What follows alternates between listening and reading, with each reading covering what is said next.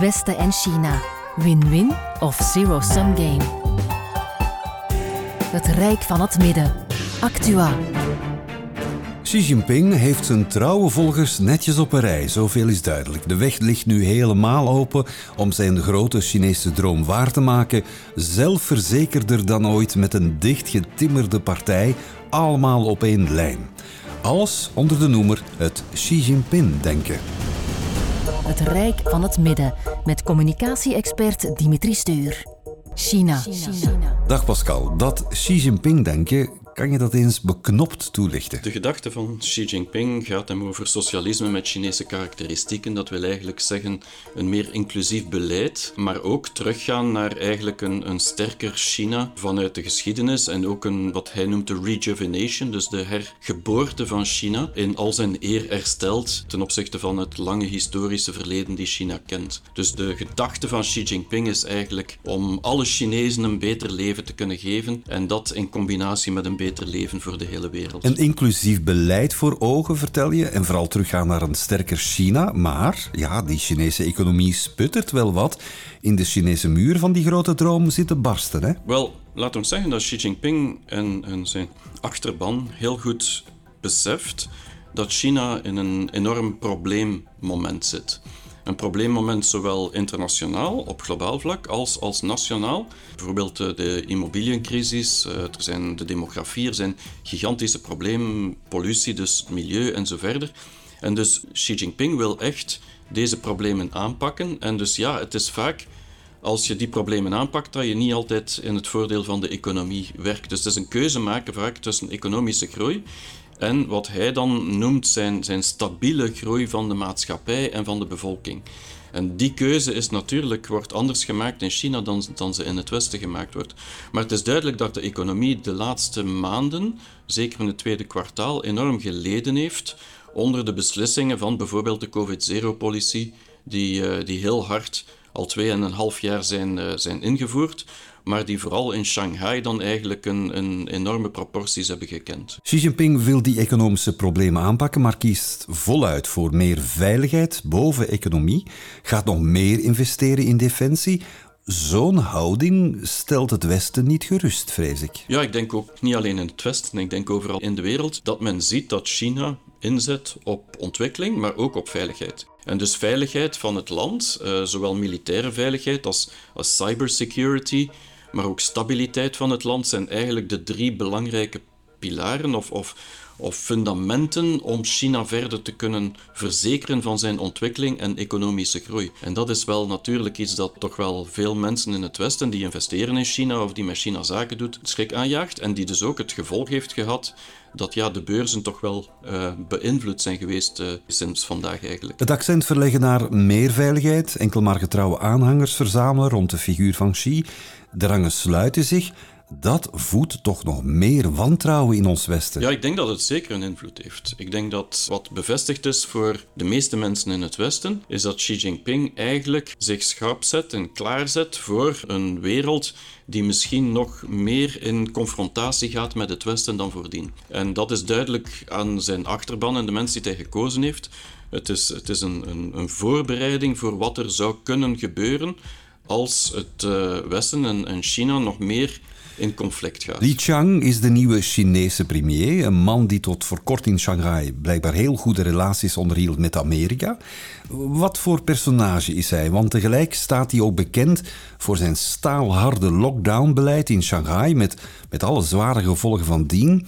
Heeft hij wel zo'n goede reputatie dan? Als je het aan Chinezen vraagt of mensen uit Shanghai dan heeft hij toch wel een zeer goede reputatie. Hij heeft een zeer goede reputatie omdat hij eigenlijk de stad, zeker als je kijkt naar de laatste jaren, uh, enorm heeft uh, doen floreren op vlak van innovatie, op vlak van, van, van infrastructuur, op vlak van digitalisatie.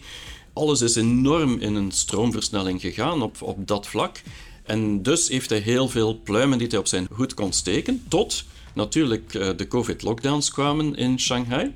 En daar is het beeld die men in de media, de westerse media, vaak schept van ja, hij heeft heel harde lockdowns gerealiseerd. Eigenlijk was het een beetje omgekeerd. Het was zo dat hij net het volgens veel mensen te laat heeft geïmplementeerd en daardoor dat die harde lockdowns zijn gebeurd. Bijvoorbeeld de partijbaas van Beijing, die nu ook in de top 7 zit, die heeft dat veel beter gedaan. Tsai Chi noemt hij, die heeft dat veel beter gedaan. Als je kijkt naar Li Qiang uit Shanghai, die heeft eigenlijk veel te lang gewacht. Maar dan op het moment dat ingegrepen werd vanuit Beijing en zei van, dat ze zeiden van ja, we moeten dit uh, echt heel hard aanpakken. Dat was trouwens die ene vrouw in het politbureau, mevrouw Chen, die daarvoor gezorgd heeft. Dan is het ook zo geweest dat hij dat dan ook heel sterk heeft opgevolgd. En hij is dan heel hard meegedaan met eigenlijk de richtlijnen van Beijing. En daardoor is hij nog aanzien als een trouwe bondgenoot van Xi Jinping, want het zijn vooral de mensen onder hem die eigenlijk de schuld hebben gekregen van die lockdowns op een niet zo goed manier te hebben geïmplementeerd en opgevolgd en voorbereid. En, en dus hij is vrij ongeschonden gebleven. Maar het is zeker niet zo dat de reputatie door die lockdowns hem goed hebben gedaan. Hij heeft, dat heeft meer kwaad dan goed gedaan. De spanning tussen Amerika en China zal niet afnemen. Kan deze premier Li Qiang bijdragen aan een betere verstandhouding? Nee, zeker niet. Uh, maar of hij veel daaraan gaat kunnen doen, is natuurlijk een andere vraag. Want de premier van China is ook vooral met nationale zaken bezig. Die is vooral bezig met het interne van China. En dus wat Xi Jinping waarschijnlijk op hoopt, is dat het mirakel van Shanghai kan gerepliceerd worden in andere steden in China. En dus dat dat binnen China eigenlijk tot veel aanzet. Zij die meer met, met, de buiten, met het buitenkant van China bezig zijn, zijn andere mensen. Zijn mensen zoals Wang Yi, die in het vorige politbureau ook al, die in het vorige regering ook al zat. Dat zijn mensen die eigenlijk ja, internationale ervaring hebben. Wang Yi is zo de persoon die eigenlijk het meest rondgereisd heeft in heel de wereld uh, als Chinees. En die dus overal uh, samen met Yang Jiechi en nog een paar anderen voortdurend met Anthony Blinken en zo aan de tafel zaten. Dat is niet de rol die Li Qiang zal hebben. Hij zal meer een, veel meer een rol om naar provincies te gaan en naar fabrieken te bezoeken en eigenlijk uh, de boeren te gaan bezoeken om te kijken hoe dat ze het doen. En, en dus verandering van binnenuit. Dus ik denk dat we daarom de, de impact daarvan internationaal minder gaan voelen. -hmm. Xi Jinping gaat voor een stevig verankerd nationalistisch gevoel bij de bevolking. Hij plaatst die bevolking ook op de eerste plaats, maar tegelijkertijd ook de partij. Dat is het allerbelangrijkste voor hem. Klinkt toch wel een beetje contradictorisch. Ja, en dat, ik heb dat in mijn boek ook geschreven. Uh, het, is, uh, het is heel duidelijk, de partij staat altijd eerst. Maar de partij, het bestaansrecht van de partij is er maar als ze goed doen voor de bevolking. En dus dat is natuurlijk de vraag. Je, je staat eerst, maar je bent, hebt eigenlijk maar recht te bestaan als eerste als je ook bewijst dat je voor de bevolking goed doet. En dus voor hun maakt dat eigenlijk niet uit dat ze als eerst staan. Maar ik denk ook een van de grote misverstanden die men heeft in het Westen over de partij, is dat men de partij als een, als een partij ziet zoals in het Westen. Maar eigenlijk is de partij geen overheid. Eigenlijk voeren ze niks uit. Ze geven richting en ze geven strategieën en ideologieën.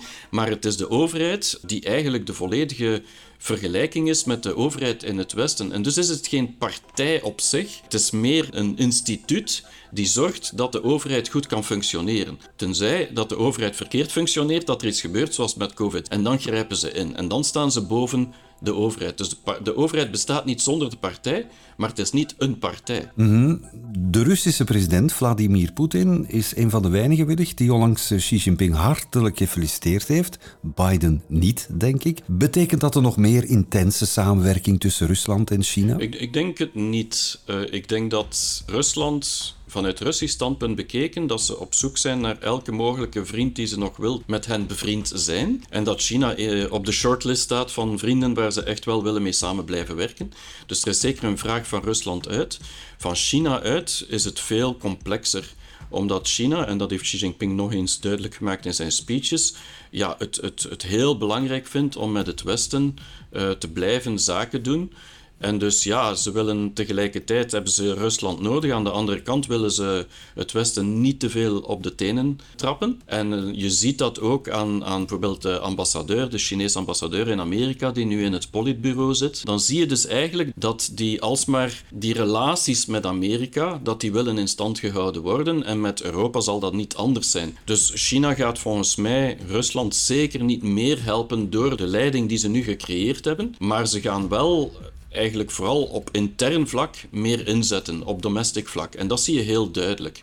En daar heeft Rusland weinig mee te maken, volgens mij. Als we even een round-up maken, Pascal, van de ontwikkelingen nu in de voorbije weken, alles wat Xi de wereld instuurde, hoe voel jij alles aan als China-kenner? Wat zijn jouw gedachten hierover? Hoe ik het aanvoel en hoe ik het lees, wat er gebeurd is deze week en de, de speeches die Xi Jinping gegeven heeft en hoe hij zich positioneert, want natuurlijk heel veel van die speeches zijn gelijkaardig aan het verleden, maar er zitten toch verschillen in. En, en ik denk de grote verschillen voor mij is, is dat de, de leiding en de mensen die gekozen zijn een duidelijk zeer sterk blok vormen, omdat volgens mij China en, en de leiding zich aan het voorbereiden is voor het ergste. Ze zijn zich aan het voorbereiden voor een confrontatie met het Westen, voor een koude oorlog die aan het komen is. Een winter, zoals ze dat, Xi Jinping dat zelf noemt, zowel intern als extern. En dus, hoe ik eigenlijk die nieuwe leiding lees, is eigenlijk van ja, ze willen sterk samenstaan om eigenlijk alle mogelijke scenario's die zouden kunnen mislopen, of die zouden kunnen een bedreiging zijn voor China intern of extern, om die aan te kunnen. En dus ik zie heel sterk dat, uh, dat dit een soort ja, voorbereiding is voor een mogelijke koude, misschien zelfs een warme oorlog met Taiwan. Niet dat, dat ze het per se willen binnenvallen, maar dat het zo zodanig zou kunnen escaleren dat de leiding heel sterk bij elkaar moet horen om dit aan te kunnen. En we hebben uit Rusland genoeg geleerd en daar zal China zeker ook uit geleerd hebben dat als de wereld Rusland heeft proberen en nog steeds probeert klein te krijgen of kapot te maken door de inval in Oekraïne die Poetin gedaan heeft, dat de wereld heel hard kan optreden samen, toch zeker de westerse wereld. En ik denk dat Xi Jinping en zijn achterban daar zich nu op aan het voorbereiden zijn van als dit gebeurt, moeten we samen sterk staan. Zo zie ik dat. De nieuwe leiding in China bereidt zich voor op een confrontatie met het Westen, zeg je. Een koude oorlog, misschien zelfs een warme oorlog. Dat klinkt wel heel vijandig, of is er nog hoop? Wel, ik denk dat uh, Xi Jinping in zijn speeches duidelijk gemaakt heeft dat hij hoopt dat het goed komt. En ook de mensen die hij aanstelt zijn mensen die eigenlijk de arm uitreiken. Maar het probleem is dat alles wijst op het tegenovergestelde. Als je kijkt hoe Biden de laatste weken met de chip exportban naar China heeft geduwd. Uh, dat wil zeggen dat eigenlijk China en in een isolement wordt gezet op vlak van, van chips, ontwikkeling. En ze voelen zich dus echt bedreigd. En ik denk dat we dat niet mogen onderschatten. China voelt zich bedreigd. Maar dat kan als resultaat hebben dat ze proberen een oplossing te vinden, maar als er geen oplossing meer gevonden wordt, kan het inderdaad tot een clash leiden. En dan lijkt Taiwan wel de meest evidente scenario van, van die clash, wat, dat die daar gebeurt. En dus dit is eigenlijk het scenario die Amerika al lang voorziet, maar die China ook een stukje aan het inschatten is dat het in die richting zou kunnen gaan. Puur door de acties van het Westen, maar ook op de manier waarop dat de bevolking ook achter die leiding staat om te gaan reageren. Want ik denk dat dat een, een, een onderdeel is die we altijd vergeten is dat, en dat heb je gezien met het applaus als het over Taiwan ging, maar dat zie je ook de bevolking in, in, in het algemeen in China, ja, dat, dat als er ooit een oorlog moet komen, dat de bevolking er hard achter staat. En dan zit je wel met een probleem. En daarom is een sterke leiding belangrijk, maar het is een zeer gevaarlijke situatie. En niet alleen door die nieuwe verkiezing van het politbureau, maar vooral door de huidige spanning tussen China en Amerika komt het nog goed. Ik denk dat het er opnieuw een, iets, een, iets moet gebeuren, een incident in de positieve zin, om zowel Amerika als, als China samen terug te brengen. En bijvoorbeeld klimaat zou daar een voorbeeld kunnen van zijn. Als het te erg wordt, moeten ze samenwerken. De pandemie is dan niet gelukt. We hebben niet echt samengewerkt. Maar we gaan waarschijnlijk weer opnieuw ergens een, een, iets moeten meemaken om tot een verandering van koers te komen. En dat is hetgeen die mij angst aanjaagt. Hopen op een positief incident? Ja, misschien is dit een katalysator. China die een bemiddelende rol speelt tussen Oekraïne en Rusland, wat zou kunnen leiden tot vredesgesprekken? Goh, ik, ik zie niet hoe China dat, dat zou doen, um, omdat uiteindelijk, volgens mij, denk ik dat zowel Indië als dus zowel Modi als, als Xi Jinping heel duidelijk aan Poetin gezegd heeft van stop ermee. Uh, die man die luistert naar niemand meer.